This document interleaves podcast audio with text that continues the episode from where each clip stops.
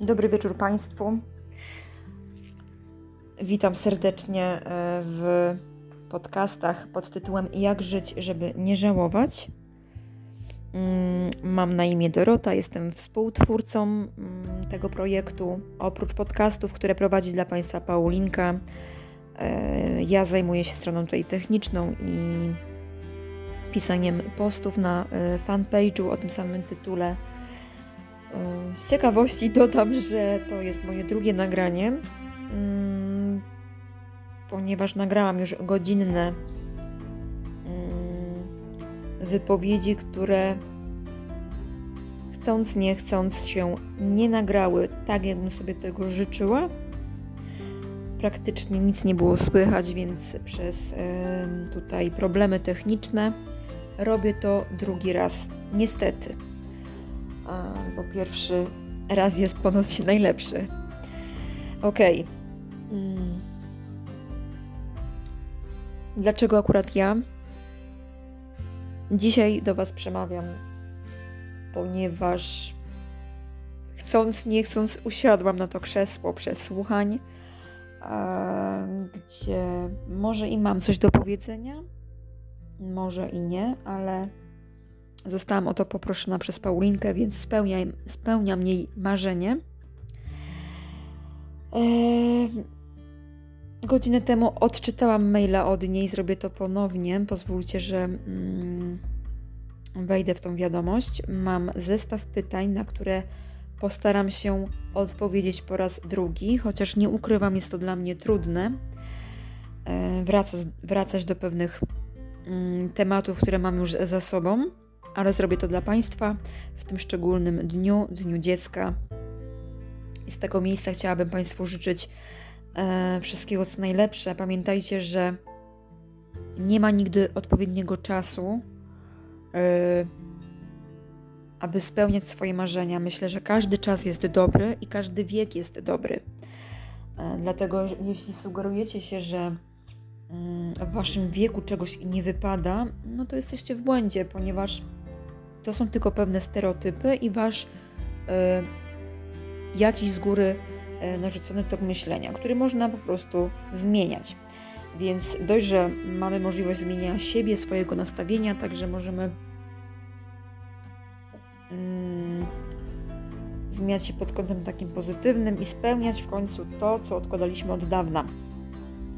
Jakie ja mam marzenia? Mm, ja na pewno mam marzenie mieć, być właścicielem, posiadaczem yy, motocykla, którym chciałabym podróżować po Europie, yy, zwiedzać świat. Tak, to jest moje takie jedno z, yy, z głównych takich marzeń materialnych, można powiedzieć. A z takich nienamacalnych to marzenie to stanie się lepszym człowiekiem. Myślę, że każdego dnia staram się to robić w mniejszym lub większym stopniu ale staram się, aby te czynniki zewnętrzne, które atakują mnie zewsząd, żeby nie miały jednak wpływu na, e, na moje decyzje, zachowanie i to, jak się czuję, bo ja tu rządzę. Yy, ok. Z całego serca yy, chciałabym Państwa zaprosić na czynny udział yy, i komentowanie mm, postów na fanpage'u, gdzie Również bardzo bym Was prosiła o to, abyście napisali w komentarzach, jaka tematyka Was najbardziej interesuje, o czym chcielibyście posłuchać lub kogo chcielibyście mm, zaprosić do naszych podcastów, bo również jest taka możliwość. Jeśli macie kogoś ciekawego, z kim warto przeprowadzić wywiad, e, to zapraszamy do współpracy. Możecie pisać w prywatnej wiadomości na fanpage'u pamiętajcie, że podcasty są, mm, można odsłuchać e, w różnych aplikacjach, między innymi przez Anchor, e, który również tutaj przekierowuje wszystkie te posty na Spotify i inne aplikacje. Więc życzę Wam miłego słuchania. Tym razem na odstrzał idę ja. Więc okej, okay, już znam pytania, wcześniej ich nie znałam, więc było to bardziej takie spontaniczne i na tym mi zależało. No, ale aczkolwiek mówię, nie było mnie słychać, więc mm, robię to ponownie. robię to ponownie. Mm, czy wyjdzie lepiej, czy gorzej, to ciężko powiedzieć, bo mówię, ta pierwsza wersja mi nie wyszła. Generalnie nic nie słychać, więc tutaj postaram się, żeby to było bardziej sprawne i profesjonalne. A więc tak, zaczynamy. Pierwsze pytanie. Co traumatycznego wydarzyło się w Twoim życiu? Teraz na samą myśl y, uśmiecham się do tego pytania i do tego, co Wam mm, mam Państwu właściwie opowiedzieć, ponieważ sama trauma jest zjawiskiem dość powszechnym i każdy w mniejszym lub większym stopniu taką traumę przeżył. Moim skromnym zdaniem, wszystko to, co wydarzyło się w naszym dzieciństwie, miało bardzo duży wpływ na nasze decyzje, zachowania, wszystko inne, co zdarzyło się w naszym życiu dorosłym. A więc, mimo tego, że wiem, jaki był kontekst mm, tego pytania, które zadaje mi Paulinka, jednak skupię się na tym dzieciństwie. Bo z tego yy, wyszły późniejsze jakby komplikacje. A więc z punktu widzenia dziecka, które wówczas, którym wówczas byłam, a byłam grzecznym dzieckiem, pięknie, cudownie uczącym się, wyglądającym, cudownym, grzecznym, które e, niewiele mówiło. E, I tak też e, przez tam rodzinę moją mm, jest wspominana, że nie mało mówiłam, ale to nie znaczy, że nie myślałam i nie czułam. Dziecko bardzo dużo czuje, dużo przeżywa, dużo interpretuje w swoim dziecięcym umyśle i tak sobie później tworzy ten swój świat.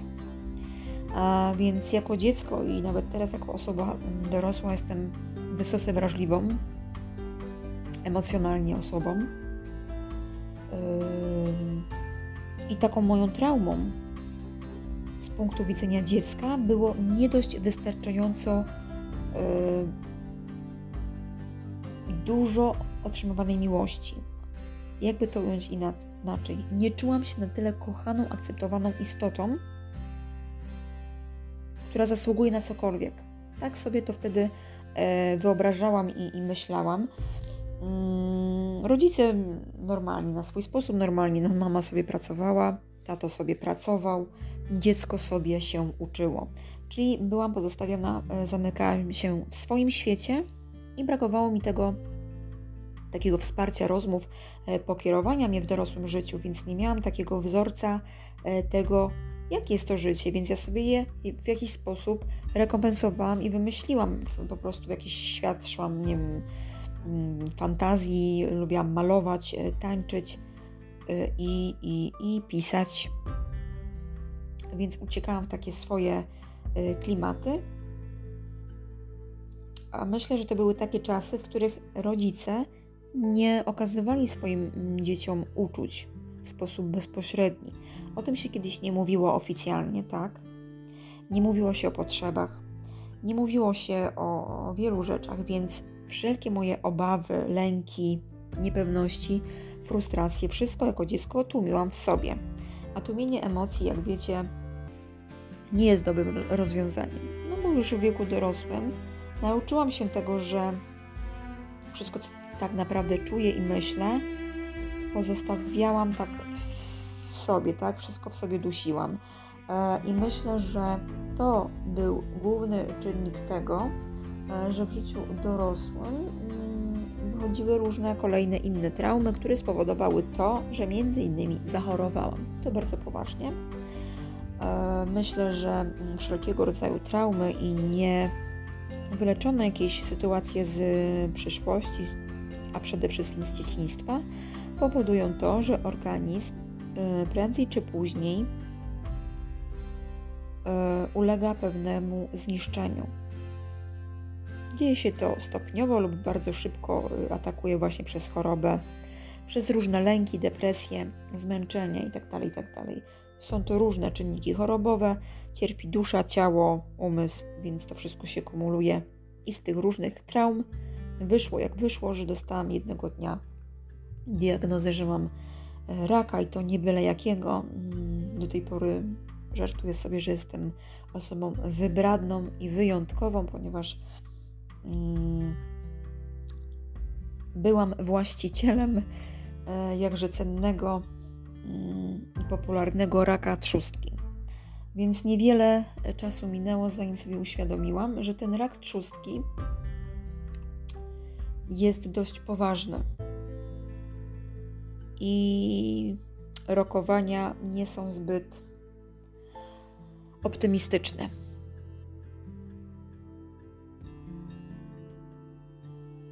Co było dalej, to opowiem Wam może w kolejnych częściach tych e, pytań. Drugie pytanie: jak często wracasz do tamtych momentów?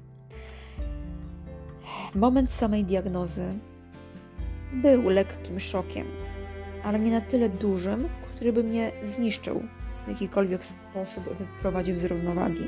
E, wręcz przeciwnie. Ja zauważyłam po sobie, że większość sytuacji, w których na przykład człowiek by się załamał, płakał, czy w jakąś po prostu totalną rozpacz i depresję, ja reaguję w sposób nieadekwatny do sytuacji, a wręcz odwrotny. Yy, oczywiście było lekkie zszokowanie i moje główne takie pytanie do samej siebie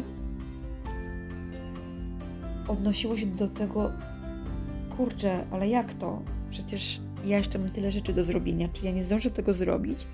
Skupiłam się bardziej na tym, pamiętam to po prostu, że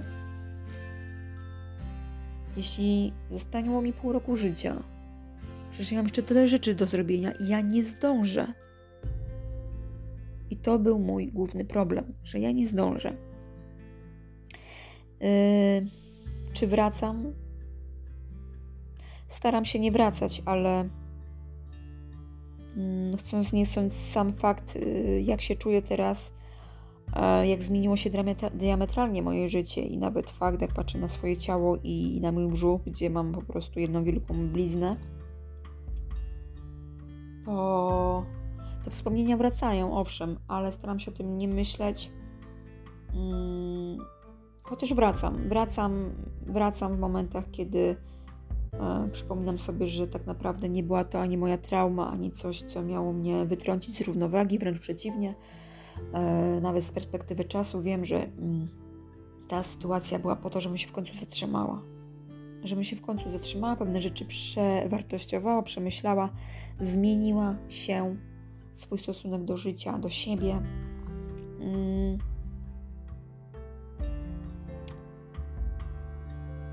I, I, na pewno to do końca życia gdzieś tam we mnie będzie, ale to jest zamknięty rozdział. Spoko, loko, żyjemy dalej nie ma co się tutaj yy, nakręcać na to. Pytanie 3. Jak to jest usłyszeć taką diagnozę, o czym pomyślałaś? Yy, jednego dnia trzech lekarzy powiedziało mi, że mam po prostu raka i kropka. Więc było to bardzo takie yy, bez żadnych emocji, bez współczucia, bez rozmowy ze mną, bez y, jakiejś mm, sposobu wyjaśnienia mnie. Po prostu zostałam mm, sposób bardzo szokujący, drastyczny, poinformowana. Po prostu poinformowana ma pani turururu guza, raka, czy jak zwał, tak zwał. I tyle. Założono mi teczkę szybkiej terapii, która wcale nie okazała się szybka, bo z kilku miesięcy to ta walka przerodziła się w tak naprawdę ponad dwa lata mm, ciągłego chodzenia po lekarzach, więc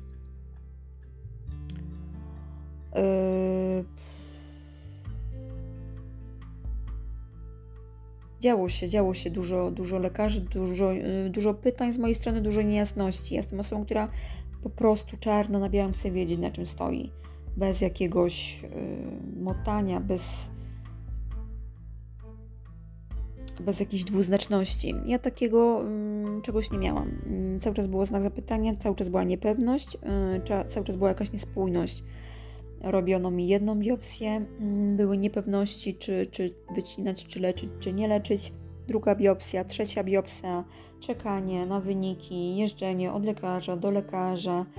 Mm, ja się po prostu denerwowałam bardziej tą całą sytuacją, tym, tym jeżdżeniem i tym załatwianiem jakichś spraw niż, niż samą chorobą.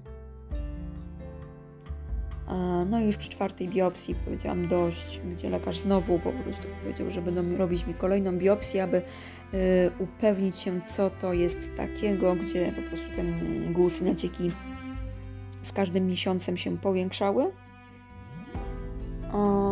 Na co ja po prostu stanowczo podjęłam decyzję, że jeśli robi mi pan doktor y, kolejną biopsję, to ja bardzo proszę tutaj napisać mi na kartce, że ja po tym badaniu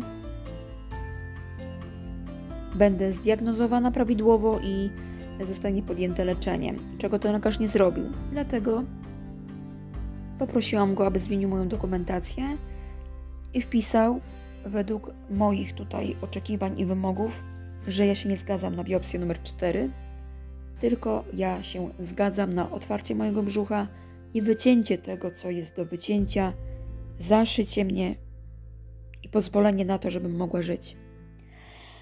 No co ten lekarz się zdziwił, ale zgodził. Miesiąc później byłam już na sali operacyjnej, gdzie po prostu lekarze zrobili to, co mieli zrobić. A co działo się później, to za chwilę. Ech. Czy od razu rozpoczęłaś walkę o siebie, czy miałaś chwilę załamania? walkę. Hmm. Co z tą walką? Ja z natury jestem osobą z natury, no przynajmniej zawsze taka byłam buntownicza. Walczyłam o siebie, o swoje poglądy, o swoje racje.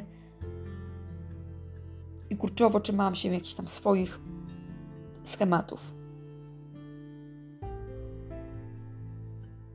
Po usłyszeniu tej diagnozy, ja nie miałam czasu na załamanie się. E, walka. Byłam trochę mm, skołowana sytuacją, że tak naprawdę jedyne, co mi przyszło w, w chwili diagnozy do samej operacji i leczenia i później powikłań i pooperacyjnych, po prostu musiałam to przetrwać. Ja również z natury nie lubię czekać, lubię działać. Nie lubię marnować czasu. Czas jest dla mnie bezcenny, a takie czekanie, yy, myślenie nie było dobrym rozwiązaniem dla mnie. Yy, walka najbardziej. Yy, przede wszystkim nie załamałam się.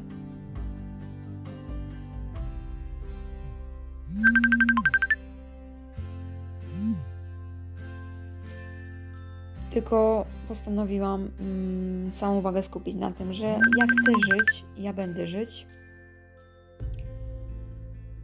Mm. I tak też się stało. Po prostu ważne jest nastawienie. To nie podlega żadnej tutaj dyskusji. E, ważne jest nastawienie.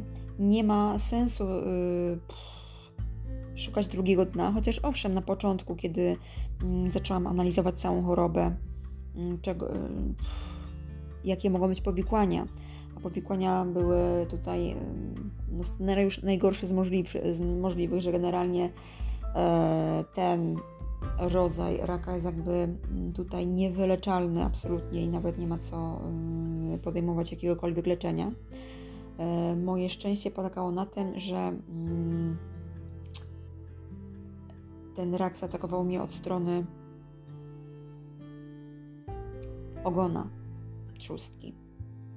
Jest ogon, hmm, chyba tułów i głowa, jakoś tak, nie pamiętam. W każdym bądź razie zaatakował mnie od, tej, mm, od tego ogona, więc e, było to na tyle szczęśliwe, że miałam duże szanse. Chociaż na chwilę obecną no myślę, że jadę na jakiejś rezerwie, ale Jestem szczęśliwa i wdzięczna za życie, jak najbardziej. E, załamania raczej nie było, może chwilowe, ale cały czas była walka, walka o to życie e, i pozytywne nastawienie. Nie przyjmowałam do wiadomości nic innego, jak po prostu życie. Życie, że ja żyję, że ja będę żyć i nie ma innej opcji.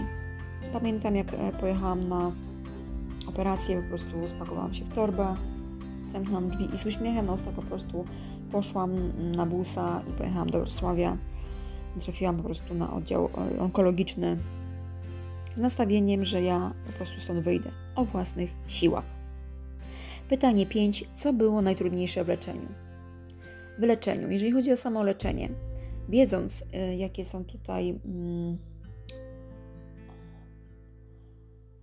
możliwości leczenia, że tak powiem, i moje nastawienie, i moja wiedza, i moja e, elastyczność tutaj myślenia i otwartość na różne metody diagnostyczne, absolutnie w życiu, mówiąc to teraz szczerze, tak, nie podjęłabym się chemii. I tego też nie zrobiłam Mm, to jest, moja, to jest sprawa moja indywidualna.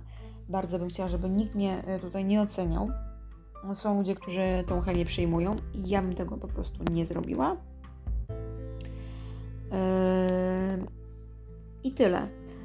Mm, najtrudniejsze w całym tutaj tym powiedzmy procesie leczenia było to, że tak naprawdę ja nie byłam leczona. E, główny tutaj zamiar było po prostu wycięcie tego, e, gdyż te nacieki były coraz tam większe. Więc tak też się stało. E, chirurdzy po prostu mi to wycięli, zaszyli. Po tygodniu miałam drugą operację, ponieważ miałam martwice śledzione. Później były różne powikłania, mm, dwa razy woda w płucach, nie mogłam oddychać, wysoka gorączka e, bardzo silne bóle. Mm, sam moment przebywania w szpitalu to, y, to były męki, to było dla mnie totalna tortura psychiczna. Przez okres y, około 6 tygodni, generalnie codziennie, odczuwałam przeogromny, niewyobrażalny, silny ból, który, nie, który mnie paraliżował. Paraliżował mnie do, dogłębnie. E, nie mogłam jeść, nie mogłam pić, y, momentami nie mogłam oddychać, bardzo szybko się męczyłam, nie mogłam ruszać, y, nie wiem, głową, palcem, ani się obrócić. Y, po prostu czułam się jak jeden wielki ból, gdy mm, pielęgniarka zadawała mi pytanie skala bólu od 1 do 10, to na pewno ta skala przekraczała to 10 i nie wiedziałam po prostu jakiej skali mogę użyć, żeby zrozumiała po prostu co czuję. Mm, pytanie 6. Czy dostałaś jakąś pomoc psychologiczną? E, rutyna rutyną y, mm, i to, co się odbywa po prostu na oddziałach, to się odbywa. Ja akurat trafiłam na panią, która po prostu odwiedzała tę salę i sobie była. była. E, nie, nie, nie było między nami żadnego y, flow, żadnej magii, która by sprawiła, żebym ja przed tą panią się w jakikolwiek sposób otworzyła. E, uważam, że osoba, oczywiście nie umuje jakby tutaj mm, kwalifikacji tej pani, aczkolwiek przebywając w szpitalu onkologicznym z silnymi bólami, ja nie byłam w stanie absolutnie prowadzić jakiegokolwiek dialogu z kimkolwiek, mm, ponieważ nie do końca byłam sobą. To było pierwsze. Po drugie, mm, nie czułam żadnej potrzeby, aby przed osobą obcą w jakikolwiek sposób e, wyrażać swoje uczucia, troski, frustracji czy cokolwiek, co, co dzieje się ze mną w środku. Były tam różne sytuacje odnośnie zachowań kilku pielęgniarek, które nie były zbyt sympatyczne względem mnie. No psycholog jakby tutaj nie, nie, nie interweniował i nie czułam żadnego wsparcia. Może też tego wsparcia nie chciałam. E, może ta pani nie miała do mnie podejścia. W każdym razie można powiedzieć, że ta pani wręcz mnie mm, drażniła, więc ja, ja absolutnie e, nie. Sama sobie ze wszystkim jakby radziłam i taką pomocą psychologiczną byli dla mnie sami pacjenci, którzy po prostu doskonale wiedzieli, co ja czuję, wszyscy tam leżeliśmy po, przed operacją, po operacji, byliśmy na tyle zżyci i wspieraliśmy się psychicznie, że no nic bardziej tego, tej pomocy mi nie odda niż pomoc tych y, ludzi, którzy byli tam na sali ze mną. Y, szczególne podziękowania z tego miejsca dla pani Eli mm, i dla Beatki z Wrocławia. Okay. mm, pytanie 7. Jak choroba zmieniła Twoje podejście do życia? E, przede wszystkim choroba sama w sobie zmieniła moje życie, bo po operacji ja zupełnie stałam się innym człowiekiem. E, zaakceptowanie tego faktu, że jestem innym człowiekiem, było dla mnie bardzo trudne. Wręcz najtrudniejsze. Mm.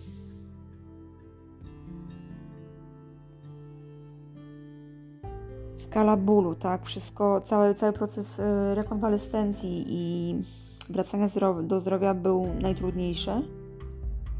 E, niekończący się ból. Mm. Znaczy zmieniło. No to, to jest temat tak naprawdę z jednej strony zamknięty, drugi, z drugiej strony zmieniający moje nastawienie do życia, przynajmniej próbujący, ponieważ wiem, że powinnam zwolnić. Wiem, że powinnam bardziej siebie szanować, swoje zdrowie, swoje życie, swoje emocje.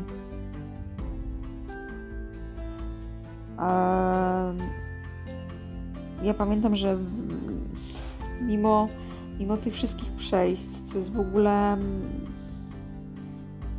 szokujące, ja trzy miesiące po operacji wróciłam do pracy, do fizycznej pracy. E, z silnymi bólami, gdzie musiałam w odpowiedniej godzinie jeść e, bardzo małe jakieś tam porcje jedzenia i za każdym razem po prostu silne bóle brzucha. To było pierwsze dwa lata to była katastrofa. Do tej pory po prostu mam problemy mm, z układem pokarmowym i generalnie dożywotnie mam już te problemy, więc jestem innym człowiekiem i to się jakby we mnie zmieniło, moje nastawienie. Bardziej doceniam życie E, dzień zaczynam i kończę wdzięcznością. No to jest dla mnie podstawa. Podstawa. Zaczynam i kończę dzień e, wdzięcznością. Cieszę się z małych rzeczy. Mm, wiem teraz, że umiera się raz, jak to mówią, tak? Jak to mówił też e, przedsiębiorca Grzegorz E, żyje się każdego dnia i, i, i to jest najpiękniejsze. To jest najpiękniejsze i naprawdę, pierwsze co otwieram oczy, dzięki Ci Boże. Żyję. Żyję i mam szansę. Mam szansę na milion rzeczy. Ja mogę robić naprawdę co tylko chcę i każdy z nas może, więc ja to doceniam. Eee, I staram się być naprawdę wdzięczna Mm, z większą pokorą podchodzić do życia e, i z większym optymizmem. 8. Czy miałaś wsparcie rodziny? Jeśli tak, czy było ono dla Ciebie pomocne? Zacznijmy od tego. Moja rodzina jest bardzo mała, mój ojciec nie żyje, moja mama mieszka za granicą, z siostrą nie mam kontaktu. E, no i taką głową, y, karkiem i osobą trzymającą tą małą moją rodzinę w garści była moja babcia, która e, zmarła w marcu tego roku i, i, jest to takie dla mnie też traumatyczne wydarzenie, smutne, mm, aczkolwiek e, wsparcie, wsparcie. Siostra przyjeżdżała z mamą do mnie, do szpitala e, w miarę swoich możliwości E, później po wyjściu ze szpitala mama przygotowywała mi moje jakże mm, bogate pokarmy składające się e, z kaszy mannej na wodzie. Jadłam tak przez pierwsze pół roku i było to po prostu straszne, bo sprawiało mi to dużo bólu. Ale tak, e, w tych pierwszych momentach jak najbardziej była przy mnie mama, mm, odwiedzała mnie siostra, aczkolwiek nie są to relacje mm, na tyle emocjonalne i takie otwarte. Y, w tej mojej rodzinie nie ma, nie wyraża się uczuć, nie mówi się o tym. Więc ja po prostu już mam y, od dziecka tą taką sytuację, że wszystko w sobie jakby tłumię, a mam dużo do powiedzenia i do zaoferowania ludziom, i, i tak dalej. Aczkolwiek o uczuciach jakby tutaj nie, nie mówię z tymi osobami rzekomo bliskimi, czyli z rodziną, bo jak mówię, ten kontakt jest bardzo słaby. Ale oczywiście by, była przy mnie mama, później robiła mi zaszczyki na rozrzedzenie krwi pojechała i jakby z tematem zostałam sama, więc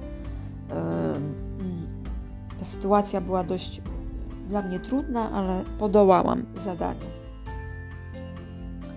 Pytanie dziewiąte. Czego się boisz teraz? E, nie boję się ani życia, nie boję się nawet śmierci. Za życia umierałam już dwa razy, bo miałam również wypadek samochodowy, a może i umierałam 10 razy. E, najbardziej boję się. Mm, najbardziej boję się zranienia. Dlaczego? Bardzo zawiodą się na ludziach. Jeśli oddaje się komuś e, swój czas, energię, serce, darzy się kogoś uczuciem, darzy się kogoś zaufaniem, dzielisz się z kimś swoimi emocjami, swoją wrażliwością, z sobą,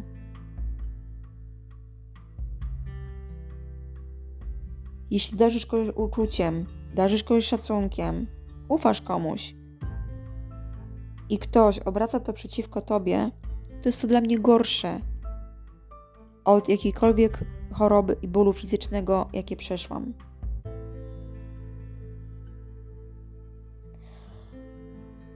Konfrontacja z ciężkimi e, jakimiś uczuciami, emocjami, które mm, ranią, dziwią, rozczarowują. Jest dla mnie trudniejsza niż przebieg yy, i rekonwalescencja po yy, chorobie. Jest dla mnie trudniejsza. Zawiodłam się bardzo na ludziach i tego się boję. Boję się zaufać.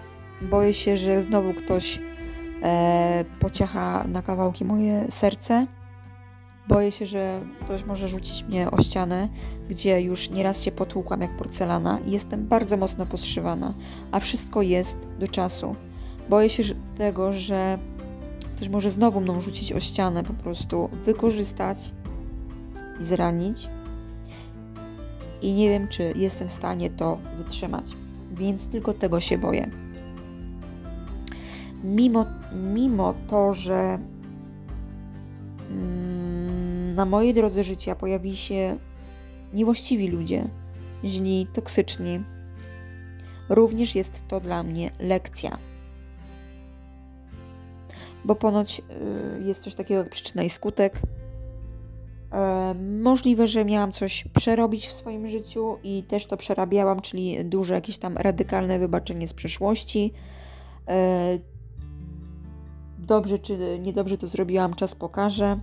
Nadal wierzę w ludzi, ale jak mówię, boję się tego yy, zranienia. Tak naprawdę nigdy nie wiemy, kto jest kim. Yy, niestety miałam po prostu takie sytuacje w życiu,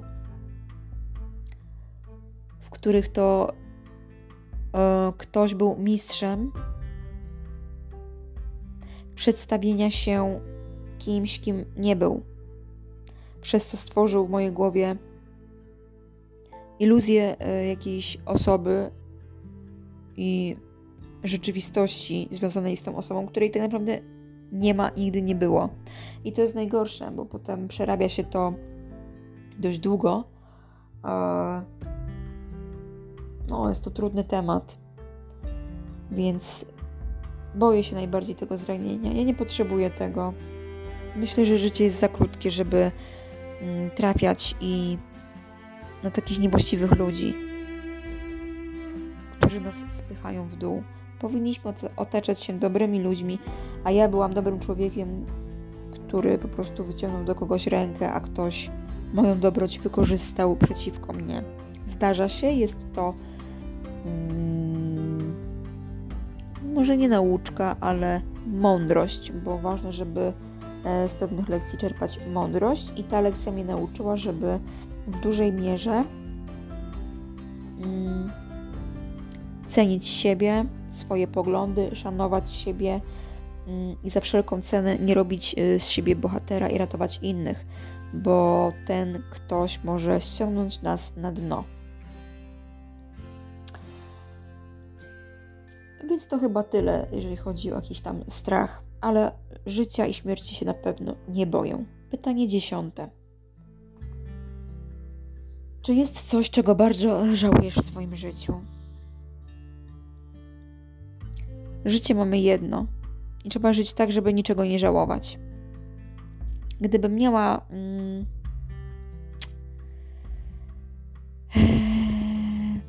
w jakiś sposób skonfrontować się z moją przyszłością, to powiedziałabym, że żyłabym e, z większą pewnością siebie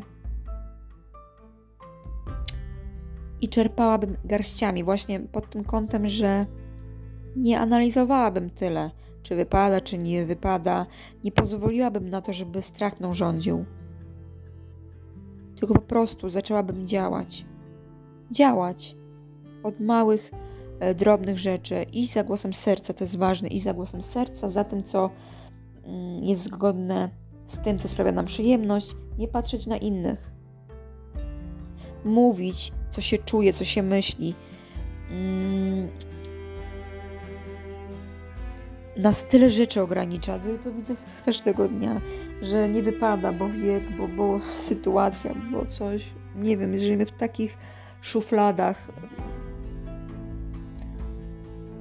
myślę, że bym, gdybym miała więcej tej odwagi, mogłabym być gdzieś jakby dalej, tak? Jestem tu, gdzie jestem i jest ok. I uczę się tego, żeby bardziej czerpać z życia, jak najbardziej. Jak często myślisz o przyszłości? Staram się nie myśleć o przyszłości, staram się nie myśleć o przeszłości. Eee, głównym takim moim założeniem jest, żeby skupiać się na dniu dzisiejszym, ponieważ nie ma nic innego poza dniem dzisiejszym. I ja nawet Dzisiaj się na tym łapałam, tak? Wczoraj. Po prostu skupiać się na danej chwili. Wtedy znikają wszelkie problemy, naprawdę, wszelkie jakieś y, dylematy. My cały czas analizujemy przeszłość, co było, co byśmy zmienili. Przeszłość była, więc jej nie ma, więc nie ma po co do niej wracać. Trzeba wybaczyć, zapomnieć, zamknąć drzwi, wyrzucić klucz, lecieć dalej z życiem.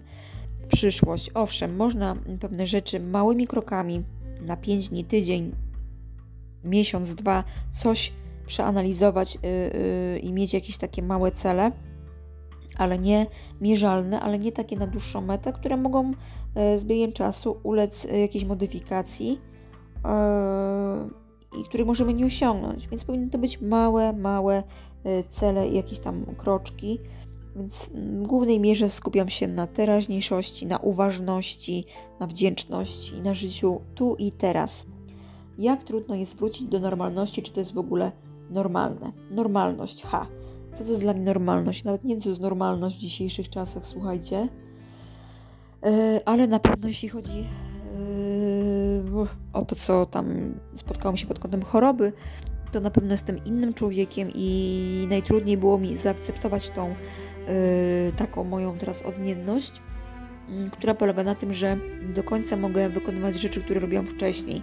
Na przykład pod kątem y, uprawiania sportu, tak? Szybciej się męczę, nie powinnam jakby siłowo i tak dalej, ale ja to lubię, bardzo lubię, więc zaakceptowanie tego, że jestem już y, innym człowiekiem i mam tą inną siłę, inne zdrowie i inne jakby tutaj predyspozycje, to było najtrudniejsze do zaakceptowania gdzie muszę teraz bardzo pilnować diety i tak dalej i, i no jestem już w zupełnie innym miejscu niż byłam przed chorobą, tak? Yy, więc moja normalność się też zmieniła. Trochę może się wyciszyłam, yy, aczkolwiek potrzebuję takiego bodźca wyżycia się, więc yy, ten sport był taki, taką najlepszą alternatywą dla mnie. Yy, nie biegam, a bardzo lubiłam biegać, więc teraz spaceruję. Yy, zawsze po prostu szukam jakiejś yy, innej alternatywy, tak? Więc zamiast biegania chodzę. Ważne, że zawsze do przodu. Nigdy się nie cofać tego do przodu. Czy byłaś, bałaś się śmierci, czy myślałaś o śmierci? Absolutnie nie boję się śmierci. Mm, absolutnie absolutnie bezwarunkowo nie boję się śmierci. Yy, mogę powiedzieć, że czasami boję się yy, życia, może nie życia w samego w sobie, bo życie jest wspaniałe, tylko ludzi, no po prostu yy, tego, że kurczę, nie mamy jakichś tam rentgenów w oczach, tak? I, i bardzo nad tym ubolewam, że ludzie po prostu grają w jakieś swoje gry. Bardzo bym sobie życzyła, żebyśmy byli wszyscy autentyczni.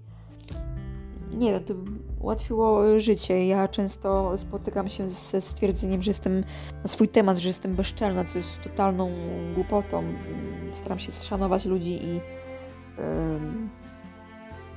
po prostu prowadzić z, z udziału, uwielbiam rozmawiać, prowadzić rozmowę, która polega na yy, dużej mierze wysłuchaniu drugiej osoby bez oceniania bardzo bym chciała właśnie, żeby ludzie potrafili ze sobą rozmawiać, nie oceniając, w ogóle, żeby nie oceniając, nie oceniając drugiej osoby. Jest to bardzo przykre, na przykład w moim przypadku często się teraz spotykam, że mm, bardzo często, że ktoś mi powie, że ty jesteś chuda, ty nic nie jesz. Jest to dla mnie przykre, bo mm, jestem już na takim etapie życia, że y, po, po chorobie zrobiłam różne kursy z dietetyki sportowej y, i kurs trenera Sama sobie po prostu robię rozpiski żywieniowe, dużo wkładam w to wysiłku, dużo czasu i dużo energii. Bardzo tego pilnuję, żeby te posiłki były y, energetycznie jakby dopasowane tutaj y, makroskładniki do moich potrzeb i mimo y, ogromnego wysiłku i pracy, w którą w to wkładam, nie ma jako takich efektów i to bardzo nad tym ubolewam, naprawdę.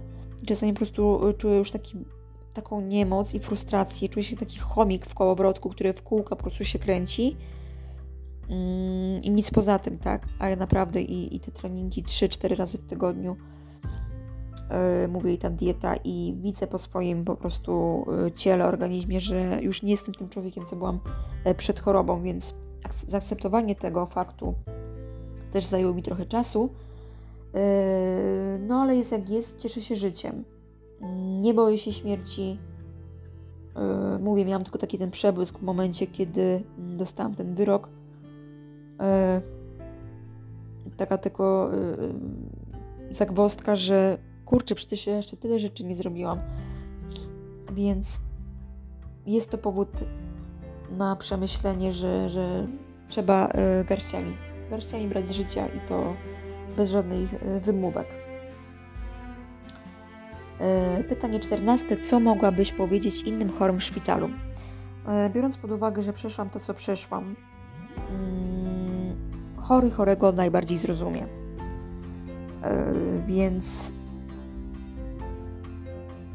jeśli chodzi o mówienie, to niekoniecznie mówienie. Ważna jest obecność. Ważne jest przebywanie z tą osobą, nie pocieszanie typu będzie dobrze, mm, bo to jakby nie działa i nie dociera do osoby chorej ludzie w sposób bardzo indywidualny podchodzą do swojej choroby, do swojego cierpienia. Ważny jest szacunek do, do takiej osoby, obecność, poprawienie poduszki, przeczytanie, nie wiem, e, fragmentu yy, książki, posłuchania muzyki, posiedzeniu, posiedzenie w ciszy, złapanie za rękę, przytulenie, spacer po korytarzu, po prostu obecność.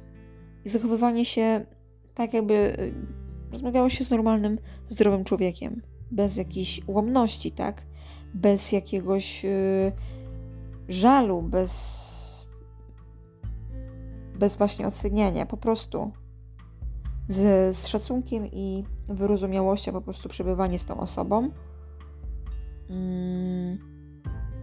Można oczywiście zadać pytanie, co mogę dla Ciebie zrobić? Czy jest coś, co mogę dla Ciebie zrobić? Ale nie narzucać, nie narzucać tutaj żadnych jakichś własnych wartości, jak, jakichś tam przekonań e, i na siłę e, jakieś tam uszczęśliwianie. Po prostu obecność. To bardzo dużo daje, więc na pewno bym była przy takiej osobie, nawet w milczeniu. Ty, ty, ty. Czy nauczyłaś się czerpać garściami z życia? Ja cały czas czerpałam garściami z życia. Może nie aż tyle, bo uciekałam w tą pracę. Cały czas praca, praca, praca. Od rana do wieczora, czy tam do nocy. mm, w gastronomii w sumie, więc miałam mnóstwo tych przyjaciół. W momencie choroby zostałam sama. Trzask da, bardzo do, dużo dało mi to do myślenia. Mm, I ta sytuacja pokazała, że jedyną osobą, która jest, była i będzie przy mnie, to jest ja sama. Więc yy, dużo, dużo takiej miłości do siebie teraz mam, mm, szacunku i yy, garściami. Niekoniecznie trzeba to garściami. Mm. Ja teraz jestem i starsza, i bardziej się męczę. Yy, czuję po prostu, że zmieniłam się tak pod kątem jakiegoś tam wydolności, nawet jakiegoś yy, wysiłkowego, yy, jakiejś takiej siły fizycznej. O, wyciszam się. Bardziej się wyciszam. Eee, może te plany są bardziej rozsądne i takie przemyślane, stopniowe, małymi krokami. Eee, takie po prostu mam cele teraz mierzalne, krótkimi etapami. Nie, nie wyrywam się już tak. Chociaż jestem bardzo, mega otwarta właśnie na podróżowanie, Mm, bardzo chcę poznawać różne kultury, ludzi. No tylko właśnie tutaj kwestia bardziej e, finansowa, jak to wszystko ugryźć, żeby, e, żeby to wszystko jakby pogodzić. Jeżeli ktoś jest chętny na podróżowanie, mm, to zapraszam do mnie, do kontaktu. Na pewno marzy mi się ten motocykl, więc e, on wejdzie w grę tutaj, żeby podróżować na tym motocyklu w jakieś po prostu spontaniczne wyjazdy, wypady w nieznane. Gdzie widzisz siebie za 20-30 lat? No i właśnie, to jest już, e, tutaj się można rozmarzyć. E, mm, bardzo bym chciała, piszę książkę na przykład, tak? Bardzo bym chciała pisać książki, mieć taką wenę, żeby pisać książki, pisać bloga. Mm, pomagać ludziom. Chcę dla ludzi być inspiracją.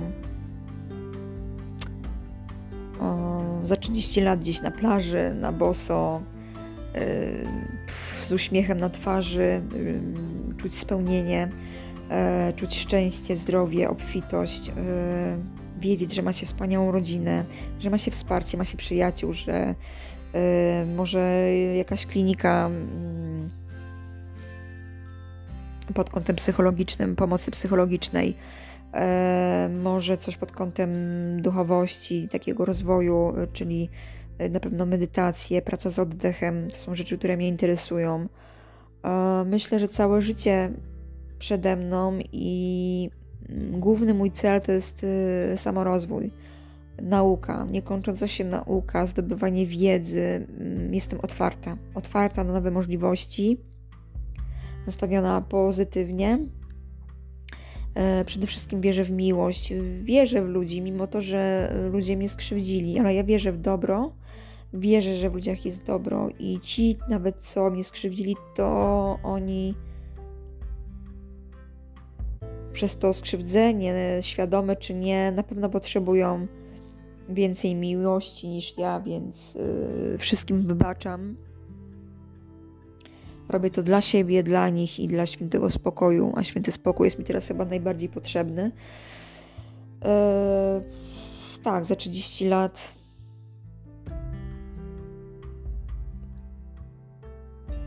Będę, e, będę szczęśliwa. Jestem teraz też szczęśliwa, mm, ale za 30 lat będę, powiem, że tak, jestem spełniona, ale dalej będę się spełniać. To nie jest to nie jest jakiś tam moment, w którym przestanę, przestanę coś robić. Ja chcę do końca swoich dni przeżyć 100 lat w szczęściu, zdrowiu miłości i chcę rozwijać się do końca swojego y, życia, tak? Nie, nie, chcę iść tym trybem, że emerytura i, i siedzieć po prostu jak y, Janusz z Grażyną y, w jakimś barze, tak? I, i pić y, drinka ze słomką. Absolutnie nie. Chcę się rozwijać do końca swoich dni, E, nie widzę żadnych e, tutaj przeszkód, żeby, nie wiem, w wieku 80 lat zapisać się na, na kurs nurkowania czy e, nauki gry na skrzypcach. Mam całe życie. Mam całe życie przed sobą, mm, więc nauka, nauka, nauka. samorozwój na pierwszym miejscu, pomaganie ludziom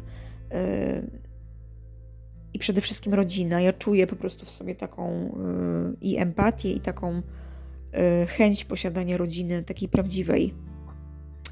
Takiej prawdziwej, w której jest wsparcie, w której się rozmawia, wspiera, tak? po prostu chcę kreować, chcę być kreatorem do końca życia, swojego życia. Jezus, ja powiedziałam. Słuchajcie, jestem już taka zmęczona, bo to jest mój tak naprawdę drugi y, tutaj jakby y, podcastowy wywiad. Nie ukrywam, że oczy mi się już zamykają. Mamy y, już za 15, 23, więc zaraz kładę się spać. Jeszcze pewnie jakaś szybka medytacja. Z góry Wam dziękuję, że mm, wysłuchaliście tego podcastu i wszystkich innych. Dziękuję z tego miejsca mm, wszystkim osobom, które zgodziły się na, na to, żeby Paulinka przeprowadziła z nimi wywiad. Dziękuję za to, że czytacie nasze posty na fanpage'u. E, proszę Was jeszcze raz o komentarze, o czynny e, udział i mm, piszcie po prostu, czy w wiadomości prywatnej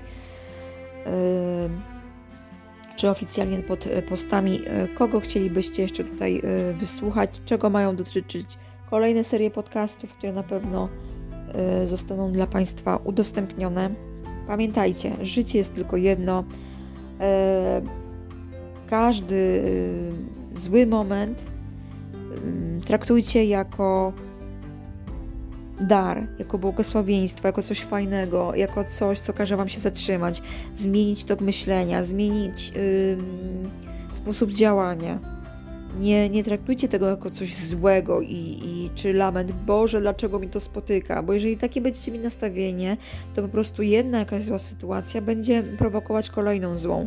E, więc ten optymizm musicie zachować w sobie i wiarę. Wiarę w siebie przede wszystkim wiarę w siebie. Jeśli macie jeszcze jakieś wsparcie z zewnątrz, to już jest w ogóle po prostu odlot. To jest odlot, który daje Wam siłę. Mm, doceniajcie wszystkich ludzi, którzy Was szanują. Wy szanujcie wszystkich, mimo to, że nawet yy, było źle. Przeważnie jest tak, że ktoś, kto przeszedł wiele tych swoich y, osobistych traum, to jest bardziej zdolny do, do, do, do kochania i tak dalej, więc ja każdą swoją y, życiową jakąś tam traumę, czy porażkę, czy coś, co mnie rozbiło, y, przerabiam w coś pozytywnego.